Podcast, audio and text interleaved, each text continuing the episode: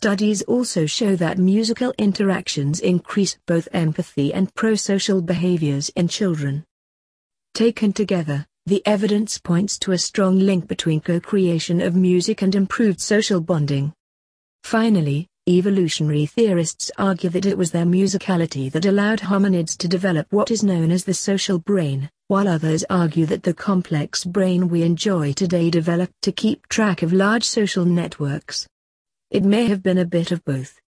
By creating a shared emotional experience and increasing members' pro-social behaviors, group singing supported complex social networks. Tracking and managing complex social networks may have led to the development of the neocortex. This brain region supports the suite of abilities known as executive function, which provide the skills necessary to make and implement long-term plans, it also supports cognitive flexibility, which is a style of fluid cognition that allows humans to successfully pair concepts that don't generally go together, resulting in creative, insightful, and elegant ideas and solutions. We already know that a positive mood state supports cognitive flexibility, while stress and anxiety act as inhibitors. Co-creating music may support improved cognitive skills through other pathways as well, although these links have not been explored. Of course all theories concerning the use of music by early hominid groups is conjecture, resting on the scant pieces of evidence the fossil record leaves us as well as what we know about our own musicality today. But the questions are important, because it can inform us about our own relationship to music. If the theories outlined here are correct, it may benefit us both as individuals and as a community to normalize and promote music co-creation. Participating in singing ought to be more than a once-a-year activity. Susan Morey does not work for, consult, own shares in or receive funding from any company or organization that would benefit from this article, and has disclosed no relevant affiliations beyond the academic appointment above. Think of your favorite piece of music. Do you get shivers when the music swells or the chorus kicks in? Or are the opening few bars enough to make you feel tingly? Despite having no obvious survival value, listening to music can be a highly rewarding activity. It's one of the most pleasurable activities with which people engage. But in a study published today in Current Biology, Spanish and Canadian researchers report on a group of music anhedonics literally, those who do not enjoy music. This is an intriguing phenomenon, and we presume very rare. Importantly, these people are not amusic an affliction that often results from acquired or congenital damage to parts of the brain required to perceive or interpret music. In this study, the music anhedonics perceive music in the same way as the rest of the population. Nor are they people who generally don't enjoy pleasure they are not depressed nor highly inhibited, and they are just as sensitive as other people to other types of non-musical rewards, such as food, money, sex, exercise and drugs. They simply don't experience chills or similar responses to pleasurable music in the way that other people do. They're just not that into music. I've got chills they're multiplying. When we listen to pleasurable music, the pleasure chemical dopamine is released in the striatum, a key part of the brain's reward system. Importantly, music activates the striatum just like other rewarding stimuli, such as food and sex. During anticipation of the peak or hotspot as music psychologist John Sloboda calls it in the music, dopamine is released in the dorsal, or upper, striatum. During the peak, when we experience chills and other signs that our body's autonomic nervous system responsible for regulating involuntary body functions is being aroused, dopamine is released in the nearby ventral striatum. So what's going on in the brains of music anhedonics? The authors offer a neurobiological explanation. While many types of pleasurable stimuli activate the same broad reward circuit in the brain, there are some differences depending on the type of stimulus. It is possible that the pattern of brain regions specifically activated by music pleasure, including the connection from auditory regions which perceive music to the reward centers, are slightly different in these individuals than in other people. This isn't unusual as we know that there can be enormous differences in how rewarding, and potentially addictive. Other rewards such as food, sex, money and drugs can be to different individuals, but it is rare to get no pleasurable response to these rewards. Is the story more complex then? Bittersweet Symphony Music is a complex phenomenon it affects us in multiple ways, and is used for many purposes.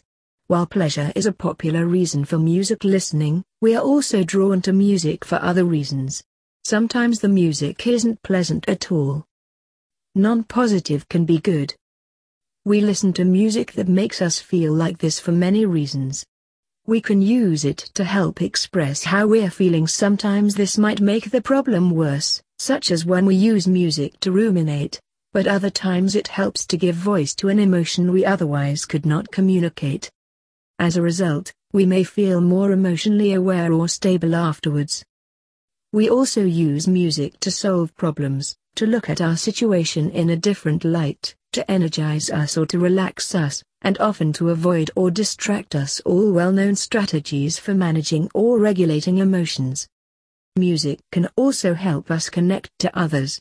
Even if we don't get a buzz from the music normally, when we listen with others, the enhanced social connectivity can be highly satisfying. A 2012 study showed that individuals who listened to music with close friends or their partners showed significantly stronger autonomic responses than those who listened alone.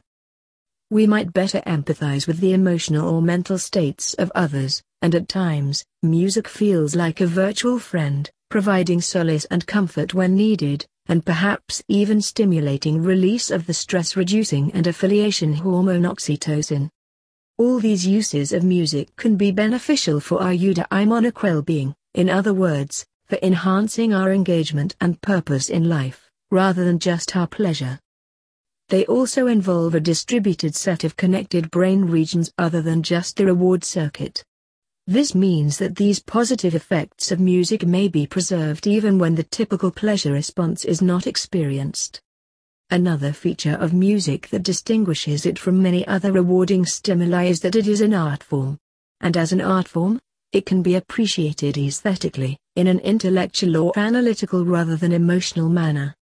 We can listen to a piece oozing with tragedy such as Albinoni's Adagio in G minor or Trent Reznor's Hurt Listen Below but feel awe and beauty in the sophisticated score of the composer and perfect execution of the performers. This might explain why some of the music anhedonics in this study still reported feeling some pleasure to music, even when their bodies went along for the ride. Reward circuitry is also activated by aesthetically beautiful stimuli, but other frontal brain regions involved in aesthetic judgment are also activated. It may be possible then for music anhedonics to still appreciate and enjoy music, even if their reward brain circuitry differs a little from those of us who can experience intense physical responses to music. And of course, music anhedonics might still find music a useful way to express or regulate their own emotions, and to connect to others or a music anhedonics also music and eudaimonics. In fact, we know so little about this fascinating, previously hidden phenomenon that this study opens the door for so many more studies which is rewarding all of itself. Music psychologist and jazz pianist David Hargreaves of Roehampton University is probably the only professor to have opened the bill for Chuck's Berry. But last week he beat even that. At a time when the threatened U.S. government shutdown nearly crippled the global economy over the introduction of Obamacare, David's team got worldwide publicity for their research showing that hospitalized children experience less pain simply if they hear songs like Seesaw Margery Daw. This is startling enough but, in a world in which finance limits healthcare as much as does medical knowledge, it hints that music could have a dramatic effect on the well-being of billions. In fact, dozens of experiments have shown that listening to music has a variety of direct health benefits. It can reduce the amount of pain-killing medication that patients need post-operatively, reduce blood pressure, reduce the length of comas, regulate the breathing of premature babies, or even reduce the length of labor, except for my wife, who to this day is taken to a very dark place by the cult's brother Wolf, Sister Moon, I'm taking this chance to apologize publicly. we know that the health benefits of music are greater for women than men, children rather than infants or adults, if the music is live rather than pre-recorded, or if the pain is temporary, from say a careless dentist, rather than from deep tissue damage. Why? We just don't know for sure. In the case of pain, one possibility is that the music is simply a distraction from the dentist's drill. In the case of comas, music might be effective simply because it can arouse the brain, and in the case of baby's respiration rate, the music provides an obvious rhythm that breathing can follow. And these positive effects of music on children's health can even be identified during pregnancy. One experiment showed that when pregnant women watched Neighbors every day the theme music could soothe the babies soon after they were born, Everybody needs good neighbors, but infants need cheesy TV theme tunes. Another experiment asked pregnant women to wear a belt containing speakers playing music pointing inwards, with the effect that the children's movements, memory, and social skills developed more quickly after they were born. I wonder if they make one that plays Brother Wolf, Sister Moon. Music has charms to soothe a savage breast, to soften rocks, or bend a knotted oak, wrote the English poet William Congreve in 1697. These days, we tend to take music's inherent charms for granted and often overlook how genuinely mysterious it is that simple patterns of sound vibrations can have profound effects on our minds and bodies. This power of music to on the one hand soothe, but equally to energize, has long fascinated musicians and philosophers. Most recently, psychologists and neurophysiologists have turned their attention to music, and have sought to measure, and explain in empirical terms, how music can have so much influence over our moods and levels of energy. A Belgian study published in PLOS One on Wednesday has shed some further light on how this might work.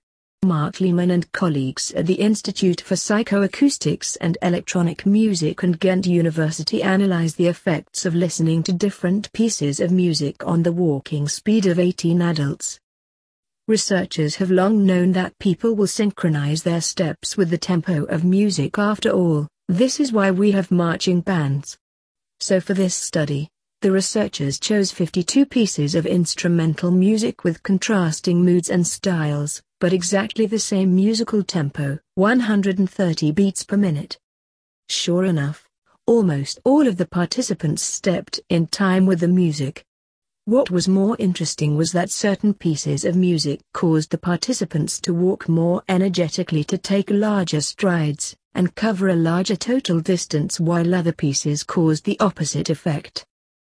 For the record, the piece of music that created the most vigorous walking in the study was Felix Ballad of LF. After the walking test, the participants were asked to rate the pieces they listened to in terms of opposed pairs of adjectives. Was the piece good or bad? Stuttering or flowing? Tender or aggressive? Soft or loud? Unsurprisingly, the participants walked with more of a spring in their step to music rated as stuttering, loud or aggressive, while gentler, softer, flowing or more complex music had a relaxing effect. This effect appeared to be independent of musical genre. The list of the most arousing music included classical, techno, world music and house, while the top 10 most relaxing pieces ranged from Baroque solo viol music to contemporary Korean dance tracks. The effect also seemed to be independent of the participants' own musical preferences. The music had the observed effect whether or not the participants liked that particular style or genre. Leman and colleagues speculate that this musical effect on the vigor of physical response might happen at an autonomous or subliminal level.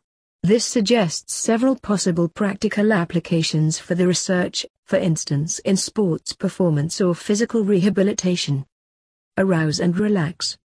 What makes this study relatively unusual is that the researchers then analyzed these objective cognitive results in terms of a sophisticated music theoretical model. They attempted to discover exactly what the musical features were that were associated with the arousing or relaxing effects.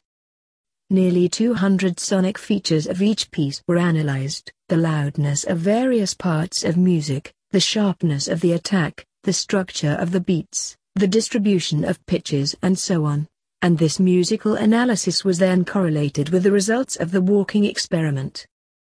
Surprisingly, only a handful of features were shown to cause arousal and relaxation, and these all had to do with the regular structure of the rhythm, which musicians call meter.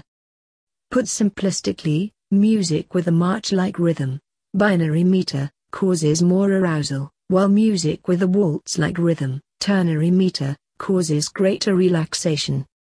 So when you next see a batsman stride to the crease or a boxer enter the ring to the blare of aggressive, pounding motivational music, it's more than just theatre. There's a genuine physiological effect at work. And it might be that England's best chance to retain the Ashes will be to make sure the Australian team takes the field to the sound of the Blue Danube Waltz. Think of your favorite piece of music. What aspects of its melody do you really like? Do you prefer a mix of fast and slow notes or an even tempo?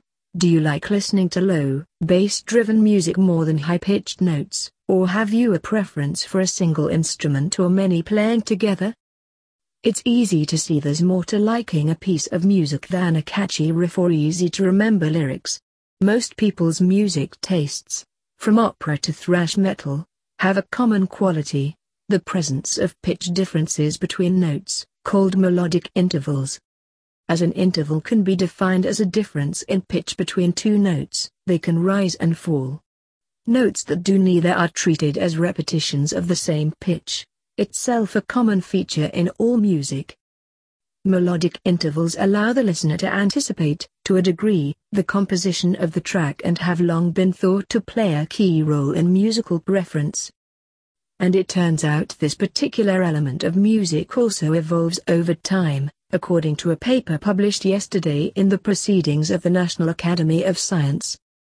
Musical Evolution Using a digital database of music from 1730 to 1930, researchers from Argentina and the US analyzed melodic interval patterns of four music styles. Baroque music in the Baroque period, 1600 to 1750, expanded the complexity of instrumentation, and established genres such as opera and sonata. Bach and Handel were Baroque composers. Classical from around 1750 to 1820, the classical era gave rise to music less complex and usually shorter than that in the Baroque style. The best known composers include Beethoven and Mozart. Romantic from around 1815 to 1910, composers from the Romantic era, such as Chopin and Brahms, created music for the middle class, whereas in the past such compositions were usually reserved for the upper classes only. Post-Romantic music from the post-Romantic era, from the late 19th century onwards, incorporated aspects from the Baroque and Classical periods, but still retained Romantic elements. Interval analysis of music focuses on the building blocks of pitch contour for instance, give rise to recognizable melody. The researchers found romantic and post-romantic styles increasingly embraced notes outside the more tidy dependence on tonal predictability that, to a greater extent, characterizes Baroque and classical music. Beyond intervals, it is important to recognize that while interval sampling is an efficient search for elements of music that clearly affect its perception, it does not, and cannot, replicate the means by which most people listen to music. This study doesn't examine intrinsic factors such as note durations and the rhythmic patterns that arise from these arguably as crucial to the stylistic features of music as pitch as well as the timbres assigned to the means of performance, whether a trumpet, an organ, or an unaccompanied choir. What really determines music style is the interaction between many different parameters. Music is multimodal in this respect, and as well as sound-based factors such as melodic intervals, style also encompasses elements such as lyrical meaning, its narrative, and above all in the case of Baroque and classical music the dance steps popular at the time of composition. The melding of neuroscience and music showed last month that certain types of music can trigger reward systems in the brain. Now, a developing international subdiscipline of computational musicology, hosted both in music departments and in laboratories dedicated to computer science and experimental psychology, are developing robust statistical processes such as the one applied in this study. Music science stands to benefit enormously from the development of new tools of the kind employed here. In turn, performers have much to gain from understanding what is important in the material we sing and play that captures the attention and hearts of our audience. In fact, if we completely divorce ourselves from the physical act of performing and simply listen, those very same cogs in the motor cortex still spin alongside those in the auditory cortex. You aren't wealthy until you have something money can't buy. Some of God's greatest gifts are unanswered prayers. The greatest conflicts are not between two people but between one person and himself, Garth Brooks. The Human Mirror. This coupling of cortexes is by no means unique to music. Of particular interest is our use of the motor cortex in processing emotion. Just as with music and its performer, use of the motor cortex for emotion is not limited to just the person experiencing the emotion, but also to their audience. We identify other people's emotions from countless things, including physical gestures. Many emotions are universal and our physical expression of them is, largely, recognizable across cultures.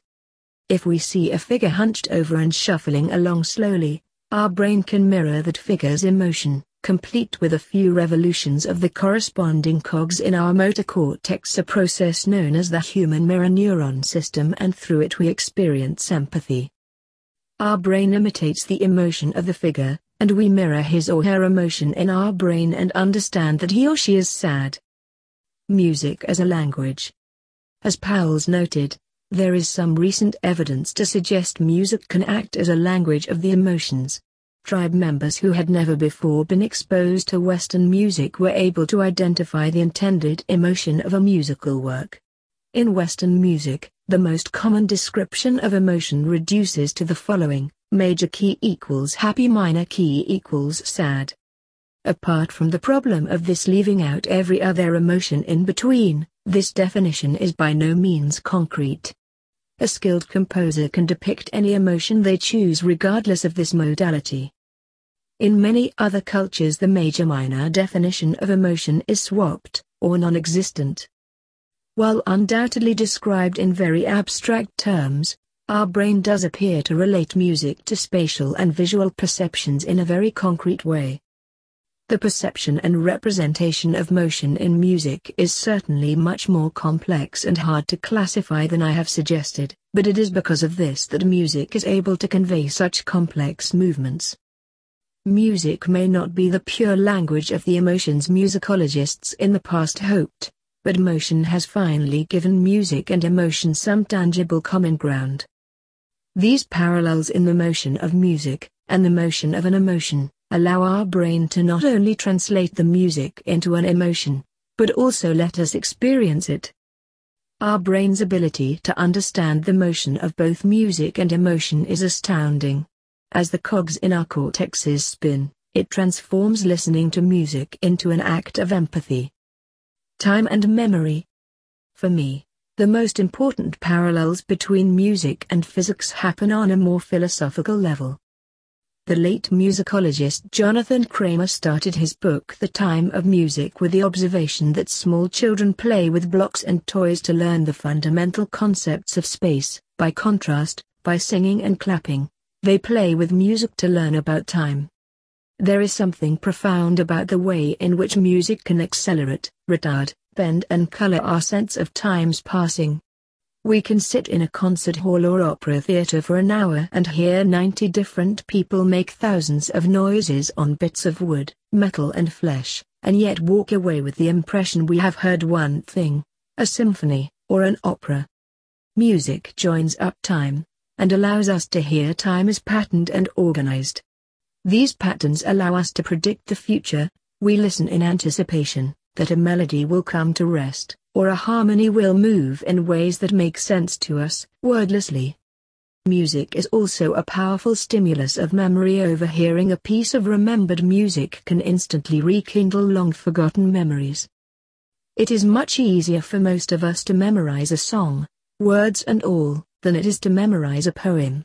Music is a tool for grasping the order and sense between what has happened in the past, what is happening now, and what will happen in the future. And to me, that sounds suspiciously like a definition of physics. Life has meaning only in the struggle. Triumph or defeat is in the hands of the gods. So let us celebrate the struggle. Steve Wonder